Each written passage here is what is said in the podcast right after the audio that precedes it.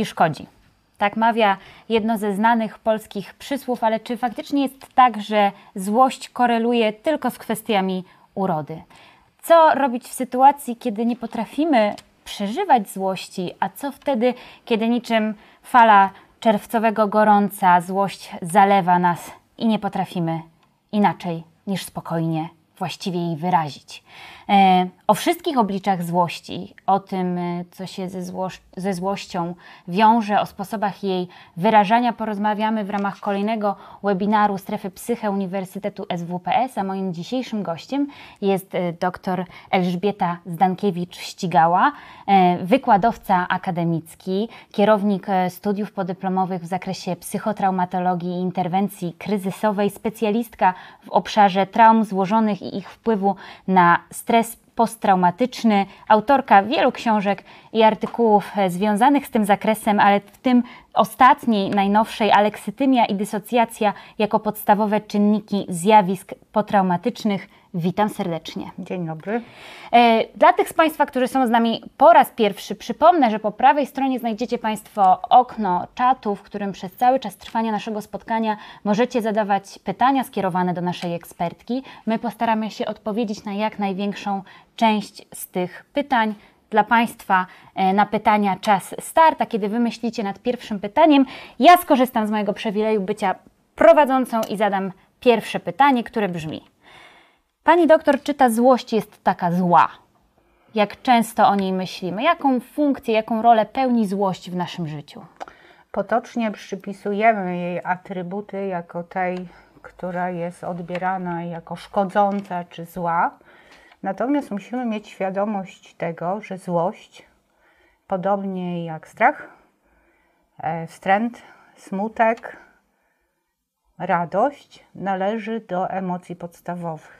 Podstawowe oznacza, że każdy z nas, niezależnie od tego, w jakim miejscu kuli ziemskiej mieszkamy, jest wyposażony w gotowe wzorce do tego, aby wyrażać, przeżywać, rozpoznawać i zarządzać złością. Czy potrafimy to robić trafnie, no to to już jest właśnie e, problem, który e, powoduje, że część z nas bardzo mocno nie akceptuje w sobie przeżywania złości, nie akceptuje w innych ekspresji złości, z tego względu, że zarówno wtedy, kiedy doświadczamy złości, jak i wtedy, kiedy obserwujemy u innych, przeżywamy dosyć silne pobudzenie fizjologiczne i to pobudzenie odbieramy jako takie, które wywołuje dyskomfort. Z tego względu moglibyśmy powiedzieć, że jest to emocja, która właśnie tak e, wywołuje określonego typu pobudzenie, określony dyskomfort, ale miejmy świadomość tego, że to jest emocja działania. Nie ma złości, nie ma podejmowania określonej aktywności, ponieważ emocja złości, zgodnie właśnie z tym, jak zostaliśmy wyposażeni w rozpoznawanie i przeżywanie, pojawia się wtedy, kiedy na naszej drodze pojawia się przeszkoda. Przeszkoda oznacza, że coś blokuje nam realizację naszych celów, wartości, zagraża nam i wtedy jedynym sposobem jest właśnie pokazać złość. I to oznacza: uważaj, jestem silna, jestem w stanie się obronić. W związku z tym proszę mieć świadomość tego, że taki komunikat no, jest bardzo chroniący, jeżeli chodzi o złość. Mhm. Wspomniała Pani o emocjach e, podstawowych, o, tym, o tym jakie informacje one e, niosą, niosą ze sobą. Mhm. Natomiast e, tak myślę sobie, że złość jest tą emocją, która często potocznie nazywana jest negatywną, mhm. natomiast ja myślę, że ona jest bardziej emocją nieprzyjemną, to znaczy ta złość, przeżywanie jej wiąże się z pewną trudnością, tak? Jeżeli coś mi zagraża, no ja mhm. odczuwam lęk, strach, ale też mam ochotę pokazać moją gotowość do, do obrony. W natłoku tylu informacji, jak trafnie odczytywać te informacje, którą niesie ze sobą złość, zarówno w sytuacji, kiedy jesteśmy nadawcą tej złości, jak i, jak i jej odbiorcą. Miejmy świadomość tego, że tym, co decyduje o tym, jaką emocję w danym momencie przeżywamy, to jest to, na ile my trafnie rozpoznajemy e, wyzwalacze w sytuacji zewnętrznej, które prowokują nas właśnie tak, do takiej ekspresji, na ile też e, trafnie rozpoznajemy to, co się dzieje w nas i z nami. A zatem kluczowe jest tutaj trafne. Jeżeli trafnie i adekwatnie rozpoznajemy sytuację, właśnie traktując ją jako sytuację zagrażającą nam realnie czy to potencjalnie, no to adekwatnie przeżyta złość e, jest też sygnałem informacyjnym dla nas i dla innych, że znaleźliśmy się w sytuacji trudnej. Ale jak mówiłam, tak, złość ma w sobie potencjał działania. W związku z tym też ona służy do zasygnalizowania innym i sobie, że mamy w sobie zasoby, żeby sobie poradzić w tej sytuacji, żeby siebie obronić. Ale to, co jest kluczowe, adekwatność i trafność. Jeżeli e, jesteśmy osobami, które zniekształcają postrzeganie sytuacji, czyli na przykład widzimy zagrożenie tam, gdzie realnie go nie ma mhm. i wtedy tak, przeżywamy złość, no to jest to e, sytuacja, którą moglibyśmy określić jako nieadaptacyjna albo wręcz dysfunkcjonalna, ponieważ i siebie, i innych wprowadzamy w tym momencie w błąd. I to może skutkować tym, że ktoś reaguje na nas wycofaniem, bo nie chce mieć z nami nic wspólnego, traktując nas właśnie tak, jako osoby, które nadmiarowo przeżywają emocje złości, mimo że ona jest nieadekwatna i nietrafna. No dobra, ale to taka sytuacja mhm. z życia codziennego, która wierzę, że spotkała się, zda, y, przydarzyła się każdemu z nas przynajmniej raz. No. Przychodzę do pracy, szef, wściekły, krzyczy. Krzyczy na wszystko, o wszystkich, jest zły, przeżywa ogromną złość. Nie mam bladego pojęcia, o co mu chodzi. Jest mała szansa, że w jego obecnym wzbudzeniu ja się w ogóle dowiem, o co mu chodzi. W jaki sposób ja mogę siebie ochronić przed tą złością, która jest y, we mnie również nakierowana? E, miejmy świadomość tego, że ta sytuacja, którą Pani przytoczyła, wskazuje nam, że mamy do czynienia z kimś, kto z punktu widzenia różnic indywidualnych ma tendencję do tego, aby zmuszać innych do uległości i podporządkowania poprzez nadmiarowe wyrażanie, okazywanie złości. Jeżeli mamy do czynienia z takim wzorcem e, zarządzania swoimi współpracownikami, to miejmy świadomość tego, że to jest wzorzec wyjątkowo dysfunkcjonalny, i należy sobie zadać pytanie takie. Czy mój szef e, przeżywa określonego typu frustracje, które wywołują w nim tak silne pobudzenie, że właściwie tak zachowuje się jak osoba, e, która nie ma jakichkolwiek kompetencji emocjonalnych do tego, żeby zarządzić swoim pobudzeniem i sobą, i jeżeli odpowiedź nasza brzmi tak, no to mamy dwa wyjścia. Pierwsze jest takie, że stosujemy klasyczną strategię unikania. Nie odzywamy się, nie wchodzimy w konfrontację, nie reagujemy na agresywne komunikaty skierowane pod naszym adresem i usuwamy się jakby tak w cień. Jeżeli to jest niemożliwe, to e, druga strategia, która jest strategią już z kręgu zachowań asertywnych, właściwie tak, e, kieruje nas w następującą stronę. Odpowiedzi, która brzmi tak: Jest mi bardzo przykro, czuję bardzo silny dyskomfort, źle się z tym czuję i nie lubię, kiedy ktoś w taki sposób się ze mną komunikuje. Możemy wywołać dwa rodzaje reakcji. Pierwsza to taka, że eskalacja złości nastąpi jeszcze większa i to jest najbardziej prawdopodobny scenariusz. Druga, że w momencie, kiedy nasz szef usłyszy, e, jest mi przykro, że, to w tym momencie usłyszymy następujący komunikat. E, jeżeli nie potrafisz poradzić sobie z takimi emocjami, to zdaje się, że chyba mamy się rozstać. Tak od razu. No.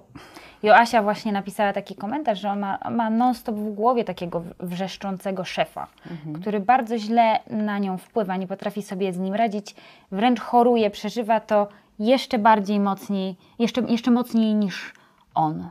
E, jak rozumiem, nasza internautka e, w, w realnej sytuacji miałaby ochotę również nawrzeszczeć na szefa, powiedzieć, że nie życzy sobie takiego traktowania. I z tego, co tutaj pisze, to oznacza, że bardzo silnie tłumi emocje, ponieważ uruchamia się jej e, klasyczny jakby mechanizm w sytuacji trudnej, walcz albo uciekaj. Walczyć nie może, czyli nie może pokazać tak, Jestem no to gotowa. teraz proszę bardzo, ja też tak potrafię. W związku z tym pojawia się opcja uciekaj, czyli lęk. Pod lękiem kryje się złość, no bo jakim prawem ktoś ją w taki sposób traktuje. I teraz e, koszty psychologiczne i fizjologiczne, jak tutaj e, słyszę, ponosi bardzo duże, ponieważ tak, czuje się nieporadna i bezsilna, bo nie poradziła sobie w tej sytuacji. Po drugie, właśnie tak, czuje właśnie bezsilność i złość, ponieważ ktoś ją obraża i poniża, ona nie jest w stanie stanąć w swojej obronie. I po trzecie, zadaję sobie pytanie, tak przypuszczam, co ja tutaj robię? Czy ja w tej pracy muszę być, czy muszę znosić tak, takie, e, taką przemoc psychiczną? No i to już jest jakby pytanie otwarte dla naszej internautki, ponieważ koszty psychologiczne płaci, jak rozumiem, ogromne. W związku z tym szanse na zmianę szefa ma niewielkie, ale szanse na zmianę w swoim życiu i zmianę pracy już. Rozumiem, że zarówno zmianę postawy wobec szefa, mhm. czyli mamy tu na myśli te asertywne wyrażanie tak. złości, które tak naprawdę ma, celu, ma, na, ma na celu obronę ja, a nie atak no. na szefa. E, albo no, gdzieś zmiany tej sytuacji w życiu realnym, którą znajduje. Joanna e, odpisała, że dokładnie bardzo tłumi emocje i stąd ma swoje problemy zdrowotne, a jeszcze wcześniej jedna z e, naszych e, widzek napisała, że z jakimi chorobami najczęściej lub objawami skutkuje długotrwałe tłumienie złości. Zaburzeniami obsesyjno-kompulsywnymi, zaburzeniami lękowymi, zaburzeniami psychosomatycznymi, czyli z poziomu układu pokarmowego, a zatem tu mamy tak, e, nie tylko dysregulację, ale mamy zespół jelita wrażliwego, e, chorobę wrzodową żołądka i dwunastnicy, chorobę jelita grubego. E, następnie idziemy w całą kategorię uzależnień. Uzależnień od jedzenia, substancji psychoaktywnych, od seksu, od zakupów i od pracy. Czyli mamy całą gamę uzależnień, które wiążą się z chronicznym tłumieniem y, złości. Warto mieć świadomość właśnie, że y, mamy tam bardzo dużo też takich y, zaburzeń związanych z zachowaniami obsesyjno-kompulsywnymi. Mhm. Tak, ponieważ to jest tak, jakbyśmy my chcieli poszukać sposobu na regulacji i kontrolę złości, to jest niemożliwe. To, o czym Pani mówi, dokładnie takie pytanie padło od Stanisława. Czy niewyrażanie złości w nerwicy natręstw powoduje nasilenie tak. natręstw? Dokładnie tak. o tym właśnie mówi teraz Pani e, doktor. Idąc dalej do tych pytań, otarliśmy się od tego złego szefa. To ja mam takie pytanie, mhm. czym różni się bycie złym, a bycie złośliwym? Czym różnią się od siebie te dwa stany? Jeżeli jesteśmy w sytuacji, w której, jak właśnie mówiliśmy, tak, pojawia się określonego typu przeszkoda i przeżywasz złość, to złość adekwatna do sytuacji bodźcowej trwa najwyżej kilka minut. Proszę mieć świadomość tego, że nie wzniecana w sposób taki właśnie sztuczny poprzez określonego typu myśli, ruminacje, ona naturalnie wygasa. Nie ma przeszkody, tak? Nie ma powodów do tego, że myśmy tak bardzo eksploatowali nasz organizm, skoro już sytuacja zniknęła. Czyli tu mamy złość jako mhm. stan. Natomiast w momencie, kiedy mówimy o złośliwości, no to oznacza, że mamy włączone określonego typu myślenie, które jest myśleniem krytycznym I to myślenie idzie w dwie strony. Z jednej strony możemy mieć bardzo takie silne, krytyczne myślenie, które jest skierowane przeciwko nam, czyli mówimy o sobie niefajnie, jesteśmy do siebie nastawieni negatywnie, krytykujemy siebie, mamy bardzo wysokie wymagania wobec siebie. No i prowadzimy taki dialog ze sobą wewnętrzny, w którym właśnie tak obrażamy wręcz, bym powiedziała, siebie. Drugi ten wymiar właśnie złośliwości polega na tym, że skierowujemy tę swoją takie nadmiernie krytyczne postrzeganie na innych. Nie? W związku z tym takie drobne uszczypliwości, e, drobne wyszukiwanie u innych wad czy błędów, no przekształca się w takie e, w taką właśnie tak złośliwą e, postawę wobec innych, no i właśnie taką drobną albo grubszą e, złośliwość. Czyli to jest tak, jakbyśmy mieli taki rys osobowości, który między innymi polega na tym, że jesteśmy tacy nadmiernie uszczypliwi, krytyczni wobec innych, no i też wobec siebie. Do tego zmierzają nasi e, mm, widzowie i takiego obrotu sprawy się trochę spodziewałam. Mhm. E, niektórzy z nas nie potrafią wyrażać złości to jest coś, co pojawia się tutaj w naszym oknie e, czatu coraz częściej. Mhm. Zakorzenione są takie przekonania, że bycie złym jest zachowaniem niewłaściwym. Okazywanie złości jest czymś niepożądanym. Nie należy się złościć, a nawet tego okazywać. E, no ale jak wiemy, nic e, w przyrodzie nie ginie. Co się dzieje z tą niewyrażoną złością, jeżeli my ją mhm. w sobie trzymamy jak w takim szczelnie zamkniętym słoiku? Musimy się cofnąć do momentu, kiedy każdy z nas jest dzieckiem, mhm. czyli do okresu między 0 a 3 rok życia, ponieważ to jest okres kluczowy, jeżeli chodzi o rozwój kompetencji emocjonalnych i między innymi jeżeli chodzi o rozwój e, związany z regulacją, przeżywaniem i okazywaniem emocji w ogóle, no i w tym emocji złości i około drugiego roku życia pojawiają się takie emocje, które są określane jako emocje społecznie kontrolujące. To jest emocja wstydu, dumy i poczucia winy. I proszę zwrócić uwagę na to, że mamy tutaj do czynienia z taką ważną, pozytywną emocją, czyli z dumą. I teraz, jeżeli jesteśmy w procesie socjalizacji, to znaczy, że jesteśmy modelowani przez ważne osoby, y, głównie to są rodzice. Jeżeli identyfikujemy się przecież nieświadomie jako dzieci z nimi, i teraz, jeżeli jest tak, że właśnie w tym okresie wczesnodziecięcym e, jesteśmy odpowiednio socjalizowani, odpowiednio oczywiście cudzysłów, w taki sposób, że rodzice nie akceptują w nas wyrażanej złości. E, każą nas w określony sposób za wszelkie przejawy złości i co więcej, nagradzają nas za zachowania, które są związane z tak zwanym grzecznym, dobrze socjalizowanym dzieckiem, czyli wywołują w nas właśnie tak dumę. Czyli mamy tutaj z jednej strony są z nas dumni, ponieważ jesteśmy tacy grzeczni, tacy posłuszni, tak wszystko robimy. Z drugiej strony wywołują w nas wstyd i poczucie winy, wtedy, kiedy właśnie zachowujemy się w taki sposób, że tupiemy nogami i mówimy, nie nałożę tych butów, nienawidzę tego, nie pójdę do przedszkola, no, oczywiście wywołuje to desaprobatę, i w tym momencie, jeżeli rodzic jest skuteczny, a dziecko jest temperamentalnie wrażliwe, czyli mamy dzieci, które są właśnie wysoko reaktywne, no to takie dzieci są w stanie przeżywać bardzo silny stres. Jak mówiliśmy, stres jest walcz albo uciekaj. Nie można uciekać ani nie można walczyć. W związku z tym od przedszkola zaczynamy tłumić złość. Efekt jest taki, że nie akceptujemy sobie takich stanów związanych z przeżywaniem złości, wręcz karzemy siebie za przeżywanie takich emocji.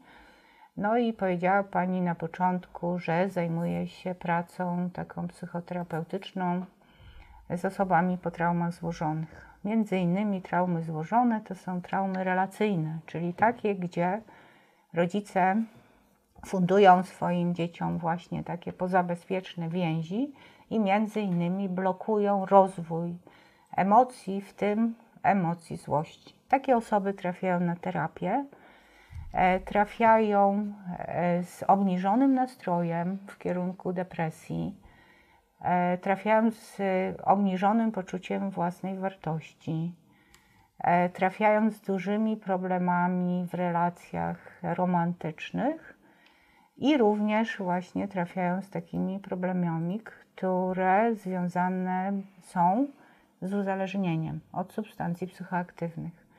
Ja nie pracuję bezpośrednio z osobami, które są uzależnione, pracuję już z osobami, które są po terapii uzależnień, ale bardzo im współczuję, tak, z powodu takich jakby sposobów rozładowania e, tak tłumionej e, złości.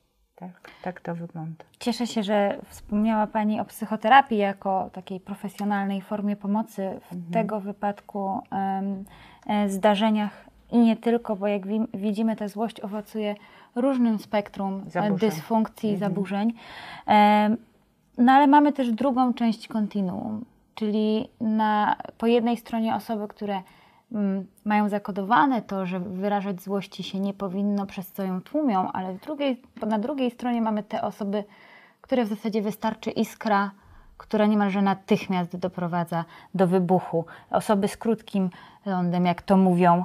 E, co, mm, jak, jak, na, jakie niebezpieczeństwa niesie ze sobą taka trudność w komunikowaniu tej złości w sposób nadmiarowy? W jaki mhm. sposób radzić sobie z tą nadmiarowością w wyrażaniu złości? Ona jest nie tylko trudna dla otoczenia, ale i dla nas samych, jeżeli nie potrafimy jej w jakiś sposób okiełznać. No i znów musimy się cofnąć do dzieciństwa, ponieważ wszystko zaczyna się tam. E, powiedziałam o osobach wysokoreaktywnych jako tych, które łatwo się socjalizuje, cudzysłów oczywiście, i takie, które e, ze względu na bardzo silny lęk i unikanie szkody będą tłumiły złość. Natomiast mamy też dzieci, które mają temperament trudny, czyli to są takie osoby, które są wysokoreaktywne, czyli wysoko lękowe de facto, ale jednocześnie wysoko aktywne, czyli takie, które mają bardzo wysokie zapotrzebowanie na stymulację. O takich osobach mówimy, że to są dzieci o temperamencie trudnym i proszę zwrócić uwagę na to, że ta zmienna, jakby biologiczna, temperamentalna jest tą zmienną, która powoduje, że te dzieci właśnie tak bardzo łatwo się wzbudzają, i bardzo trudno jest e, im kontrolować przeżywane emocje. Jeżeli miały pecha, a miały pecha, bo inaczej nie miałyby takich objawów, i były e, wychowywane znów tak, w takich pozabezpiecznych stylach więzi, czyli w takich, gdzie było bardzo dużo kar, bardzo dużo wymagań, bardzo dużo niekonsekwencji, E, i e, jakby uzyskiwały to, co chciały uzyskać poprzez zwracanie na siebie uwagi. Niezależnie od tego, czy zwracanie uwagi w sposób pozytywny, czy w negatywny. Jeżeli dostawały w sposób nieregularny nagrody za wybuchy złości, za bycie upartym, e, za właśnie tak zarządzanie całym systemem, czyli rodzicami, poprzez ataki furii i złości, proszę mieć świadomość tego, że zostały wyuczone pewnego wzorca. Jeżeli okazuje wystarczająco skutecznie złość, dostaje to, czego potrzebuje, chce. czego chce. W związku z tym to jest wzorzec, który staje się wzorcem automatycznym. Jak idziesz do szkoły, potem masz kolegów, koleżanki, zaprzyjaźniasz się, potem realizujesz różnego typu cele. Tobie się wydaje, no bo to jest automatyzm, to jest taki wzorzec, że jak huknę, że jak właśnie, tak, zionę ogniem, no to w tym momencie wszyscy będą chodzić tak, jak ja chcę. Problem polega na tym, że takie osoby, tak jak Pani powiedziała, również czują dyskomfort, tak? Ponieważ tracą bardzo wielu przyjaciół. Ileś osób po prostu znika z ich życia. Barbara mówi, że po takim wybuchu złości, kiedy czuje, że nie panuje nad jej wyrażaniem, odczuwa duże poczucie winy. Słusznie. Powiem, słusznie, tak jest. To ponieważ w tym jest to przypadku, kiedy ja już wiem, że mam ten problem, nie umiem nad nim zapanować, czuję poczucie winy, czuję, że tracę relacje, przyjaciół, ważne i bliskie mi osoby. Co robić? E, po pierwsze rozpoznać wzorce, w- które są wyzwalaczem dla właśnie takich niekontrolowanych wybuchów złości. Po drugie, tak jak mówiłam, e, trafić do specjalisty, który pomoże zrozumieć, skąd się wzięły te wzorce, pomoże przepracować i rozwiązać te sytuacje właśnie trudne, czy wręcz e, traumatyczne, i dzięki temu jesteśmy w stanie e, niwelując tak naprawdę ileś bardzo trudnych doświadczeń emocjonalnych z naszego wczesnego dzieciństwa, przywrócić sobie stany takiej równowagi, ale wymaga to naprawdę ciężkiej pracy i spotkania ze sobą w kontekście te, te trudnej historii, dlatego że musi do nas dotrzeć to, że my jesteśmy przemocowi, agresywni, jesteśmy oprawcami wobec innych, również wobec bliskich. Bardzo jest nam to trudno zaakceptować, ale to jest pierwszy krok tak, w tym kierunku, żeby zacząć przepracowywać swoją własną historię. Nie ma innej drogi. Powiedziała Pani przemocowi, agresywni czy złość, zwłaszcza ta nadmiarowa, zawsze wiąże się z komponentem agresji? Tak, z tego względu, że przekraczamy granice innych. W momencie, kiedy nieadekwatnie odzywamy się i komunikujemy z innymi, no to stosujemy wobec nich przemoc. I teraz e, robimy to w określonym celu, czyli instrumentalnie, bo ja chcę wymusić posłuszeństwo albo uległość, albo coś innego. Agresja jest zachowaniem intencjonalnym, wymierzonym w konkretną osobę bądź osoby w celu osiągnięcia celu. A zatem od złości do agresji naprawdę jest bardzo blisko.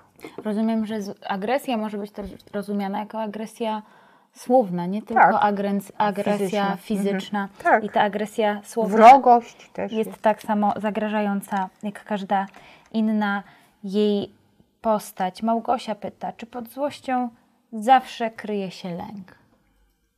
Niekoniecznie, ale z reguły. No, z tego względu, że jeżeli jesteśmy w, na tej osi walcz albo uciekaj, no to jakby w tym momencie pod e, złością może kryć się lęk, ale równie dobrze może być wstyd, który chcemy w ten sposób przykryć. Tak? Czyli na przykład nie chcemy się przyznać do e, jakiegoś uchybienia czy jakiegoś błędu, który nam ktoś wytyka i e, jest nam trudno jakby z jakichś tam powodów powiedzieć, o strasznie mi przykro, tak mi wstyd, że to się stało, no bo to trzeba mieć jakby tak siłę w sobie, żeby coś takiego powiedzieć.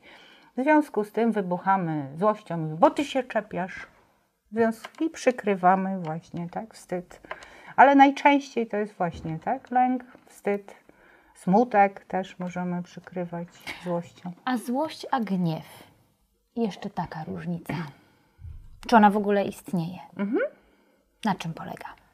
Gniew jest e, stanem uczuciowym, czyli ja odczuwam gniew z powodu na przykład tego, że komuś się stała krzywda, tak? Czyli na jakby we mnie jest niesprawiedliwość, tak? Z, z, związana z tym, że komuś się stała krzywda.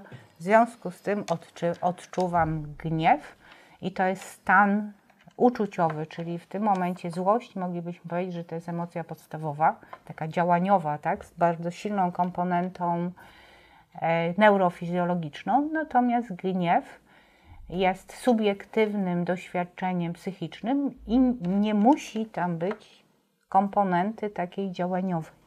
Może się pojawić, ale nie musi. I poza tym też gniew e, może dotyczyć e, sytuacji e, społecznych, tak? czyli takich e, też, w których e, ewidentnie tak, mamy poczucie krzywdy, niesprawiedliwości, e, czegoś, co nie powinno jakby tak mieć miejsce. Na przykład jak e, e, puszcza była tak nonszalancko tak traktowana, to wiele osób odczuwało gniew w związku z niszczeniem naszych dóbr, takich, których się już nie da odbudować. I jest to jak najbardziej słuszna emocja.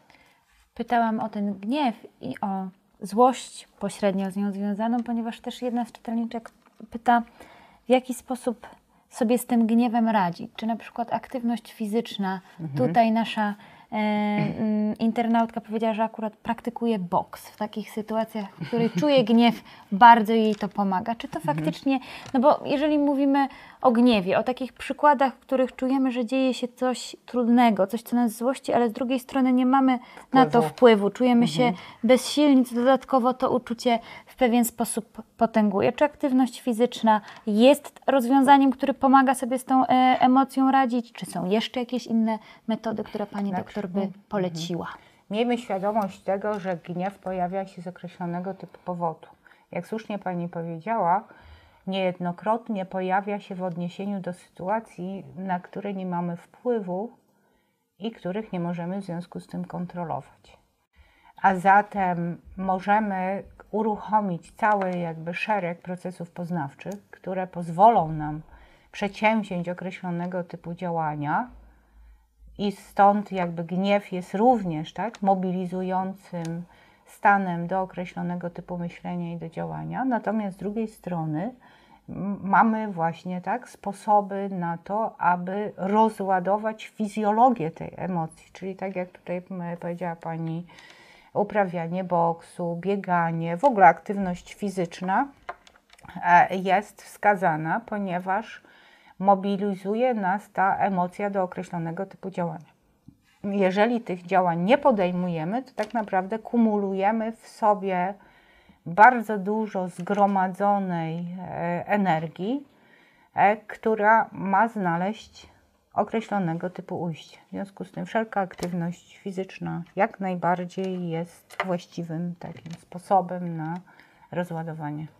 Kasia opowiada historię, w której została odrzucona przez ważną dla siebie osobę. Mhm. E, przez wiele, wiele m, czasu czuła smutek, e, potem czuła żal, aż w końcu doszła mhm. do złości.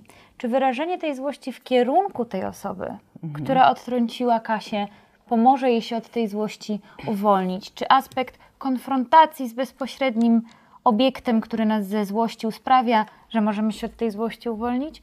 Czy możemy to zrobić w jakiś inny sposób? O, odpowiedź na to pytanie nie jest taka prosta. To zależy, ulubiona nie, odpowiedź nie, nie. psychologów. Nie, nie, nie. To, po pierwsze, tak, zadanie, jakie w tej sytuacji mamy, to jest takie, przez kogo, kiedy, w jakich okolicznościach została odrzucona ta osoba.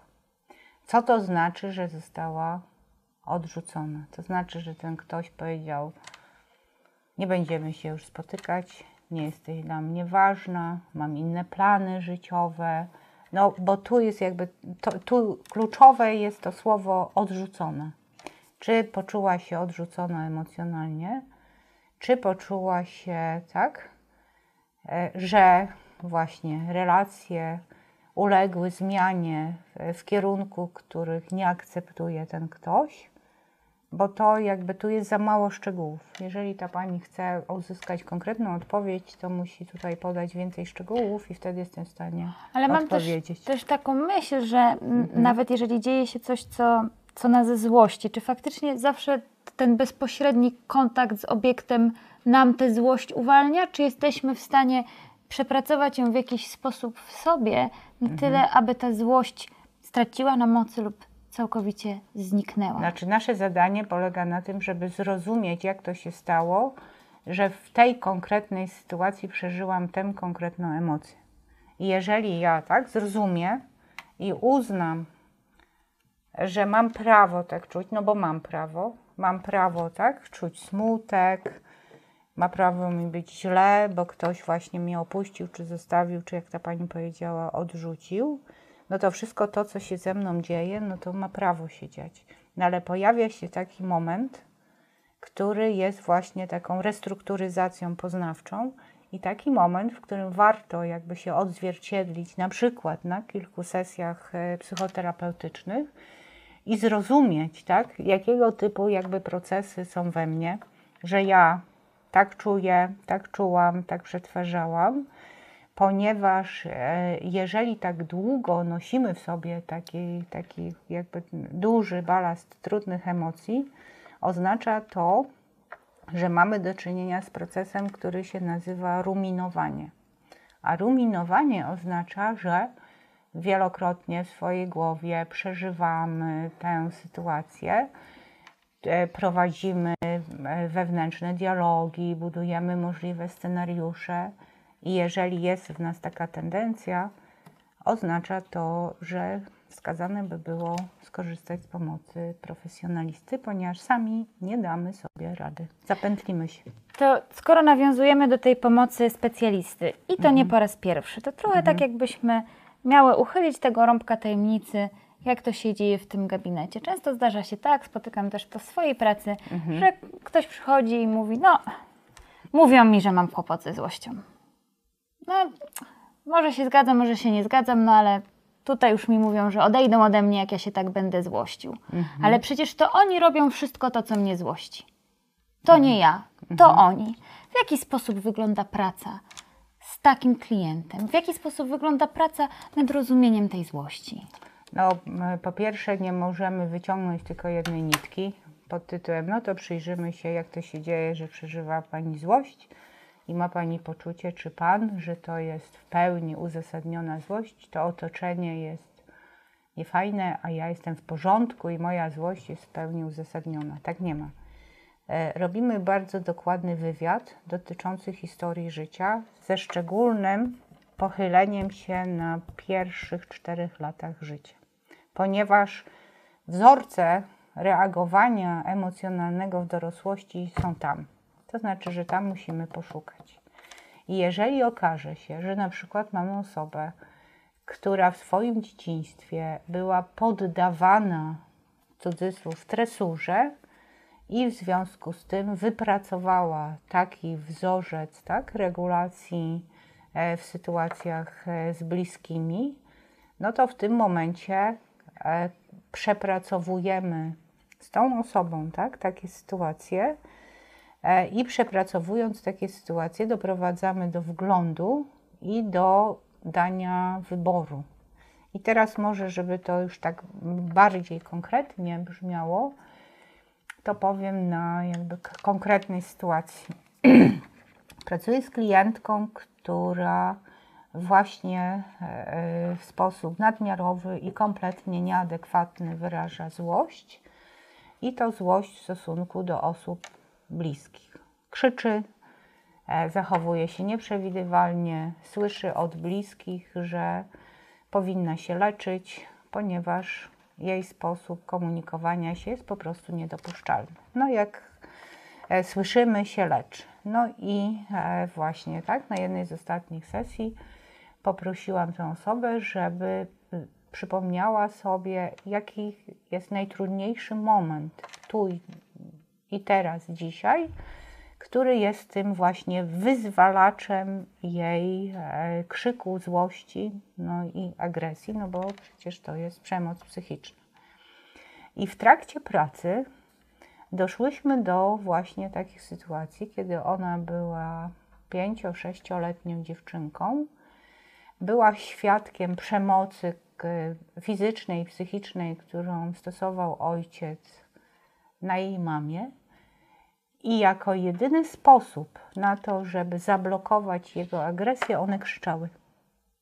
Czyli po prostu w ten sposób radziły sobie ona i jej siostry z tym, co się działo, i to powodowało, że ojciec przestawał być agresywny.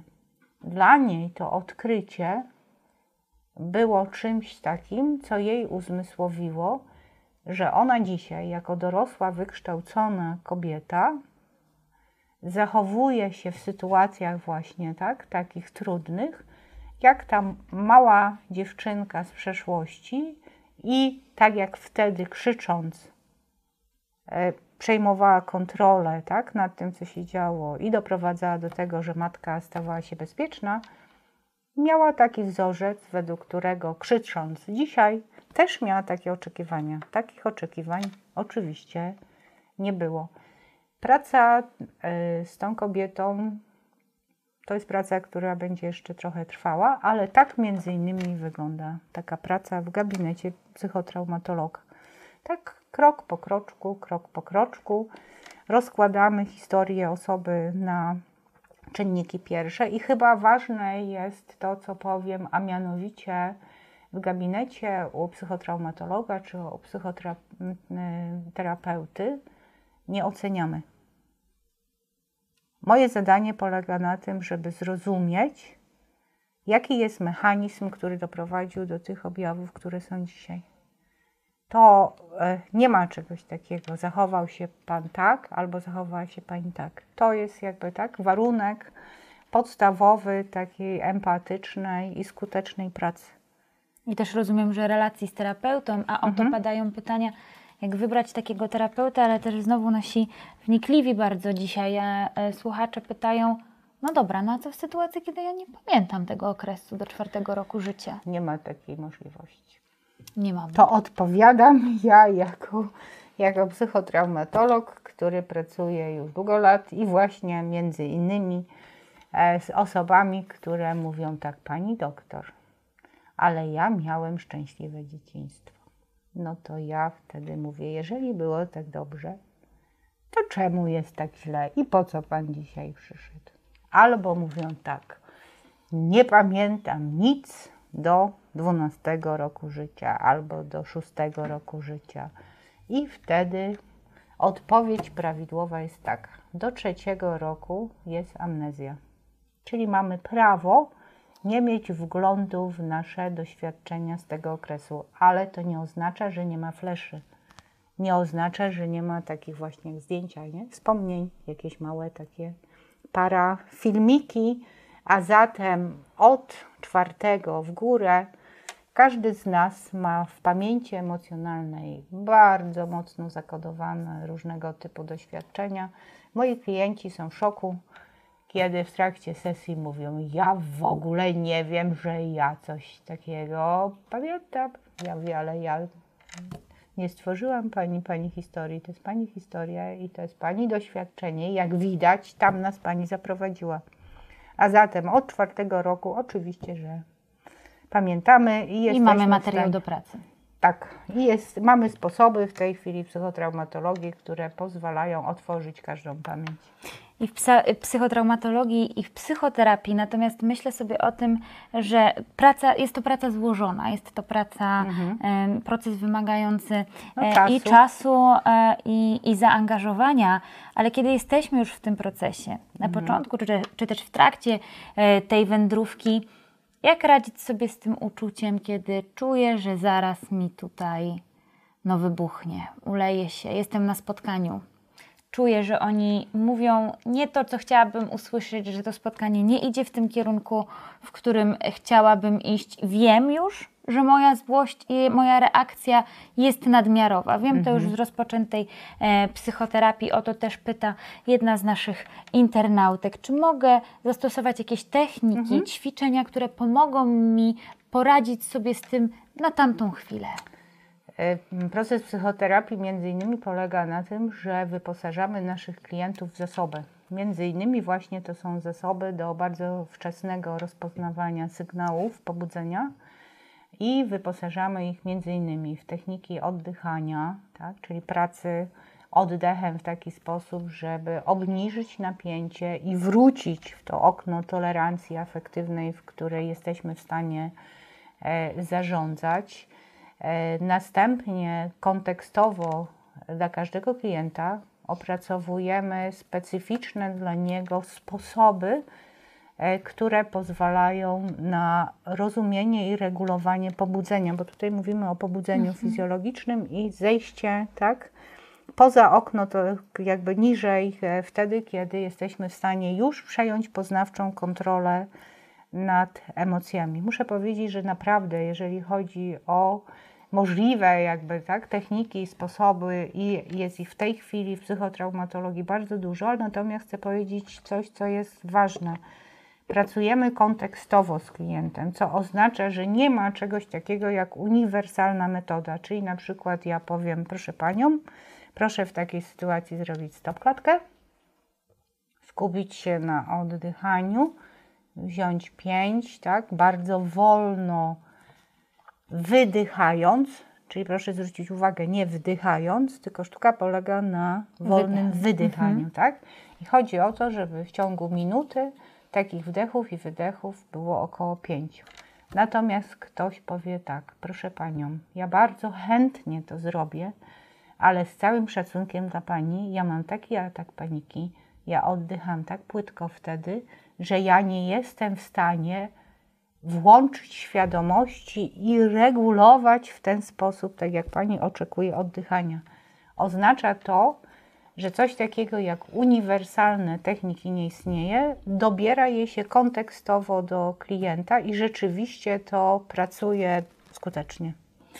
E, zbliżamy się powoli do końca naszego webinaru, ale też zastanawiam się, to jest takie przekonanie, które pokutuje, myślę, że w okresie dziecięcym. Są takie słowa, które słyszy się czasem na ulicy czy w sklepie: jesteś złym chłopcem, kiedy dziecko wyraża złość. Czy bycie, wyrażanie złości oznacza bycie złym? Nie.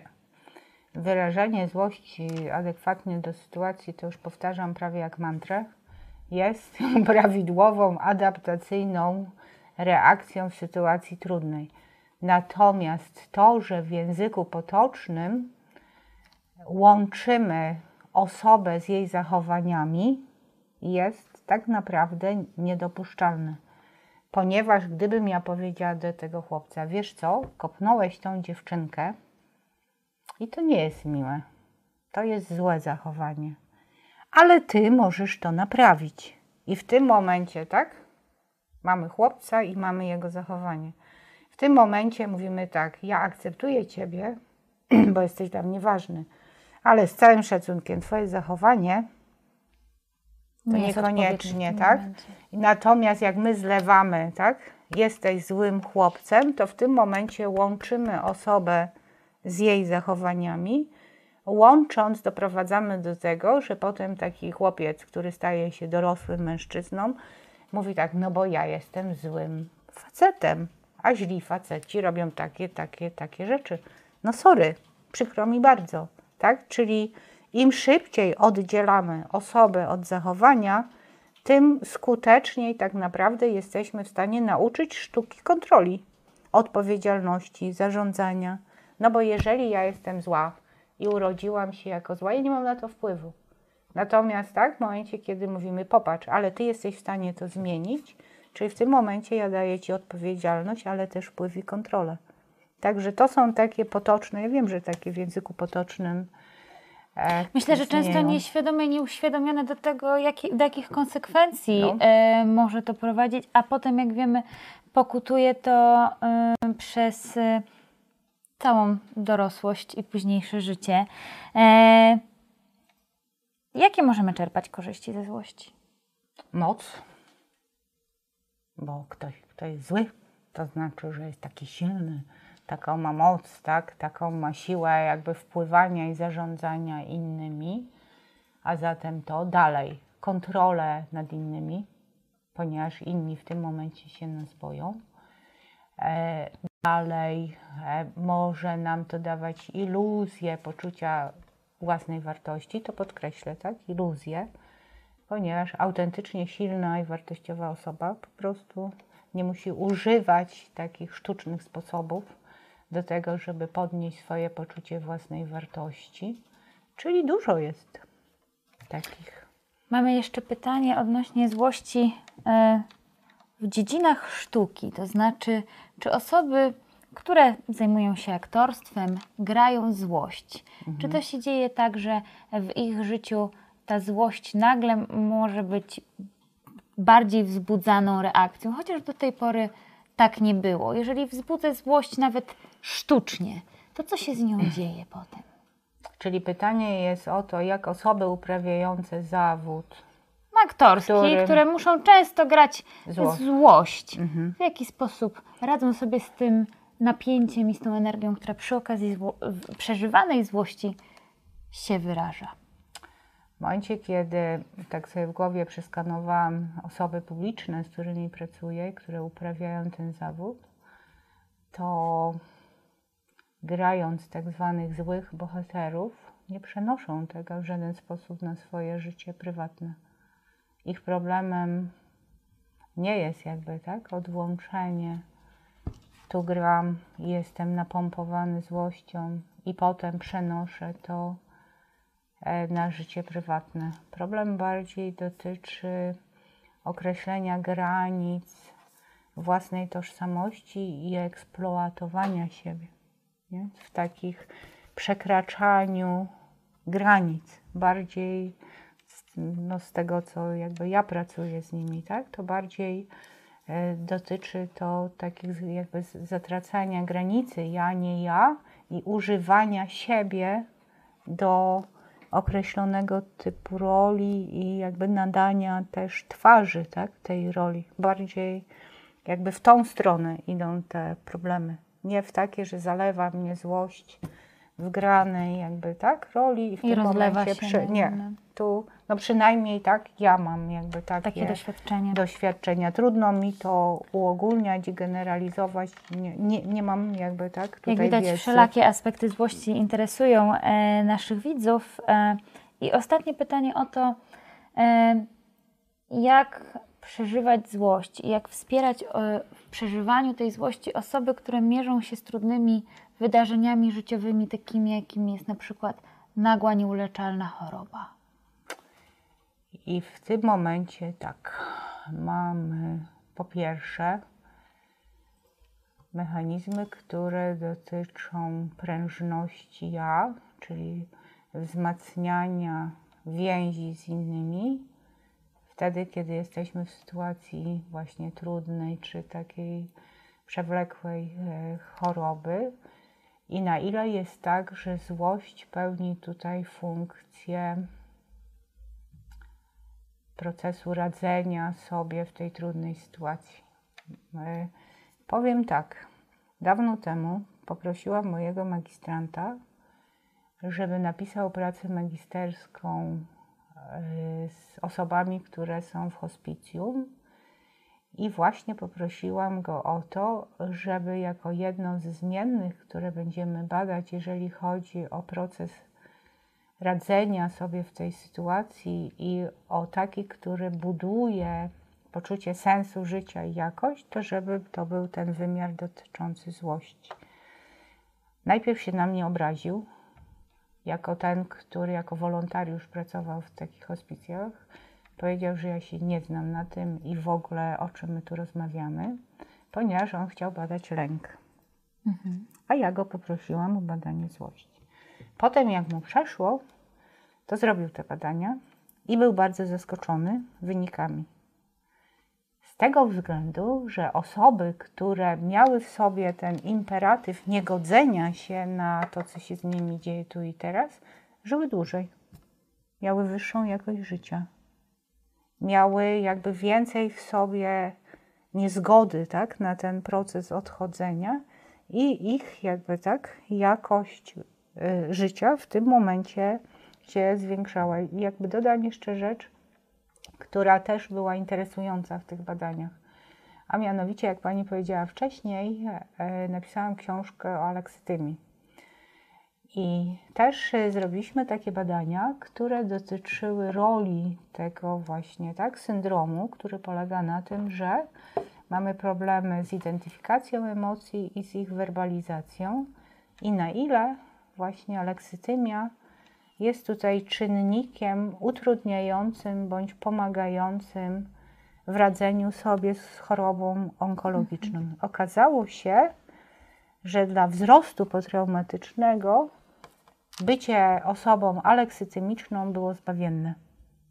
Co oznacza, że właśnie w tych sytuacjach takich ekstremalnych warto mieć trochę inne myślenie na temat emocji i trochę inaczej kontekstowo się im przyglądać. A zatem złość tu jest jak najbardziej promująca proces walki, oczywiście nie agresja, tak? czyli złość, ten imperatyw dotyczący braku zgody. On motywuje do działania, do walki, do podejmowania wysiłku.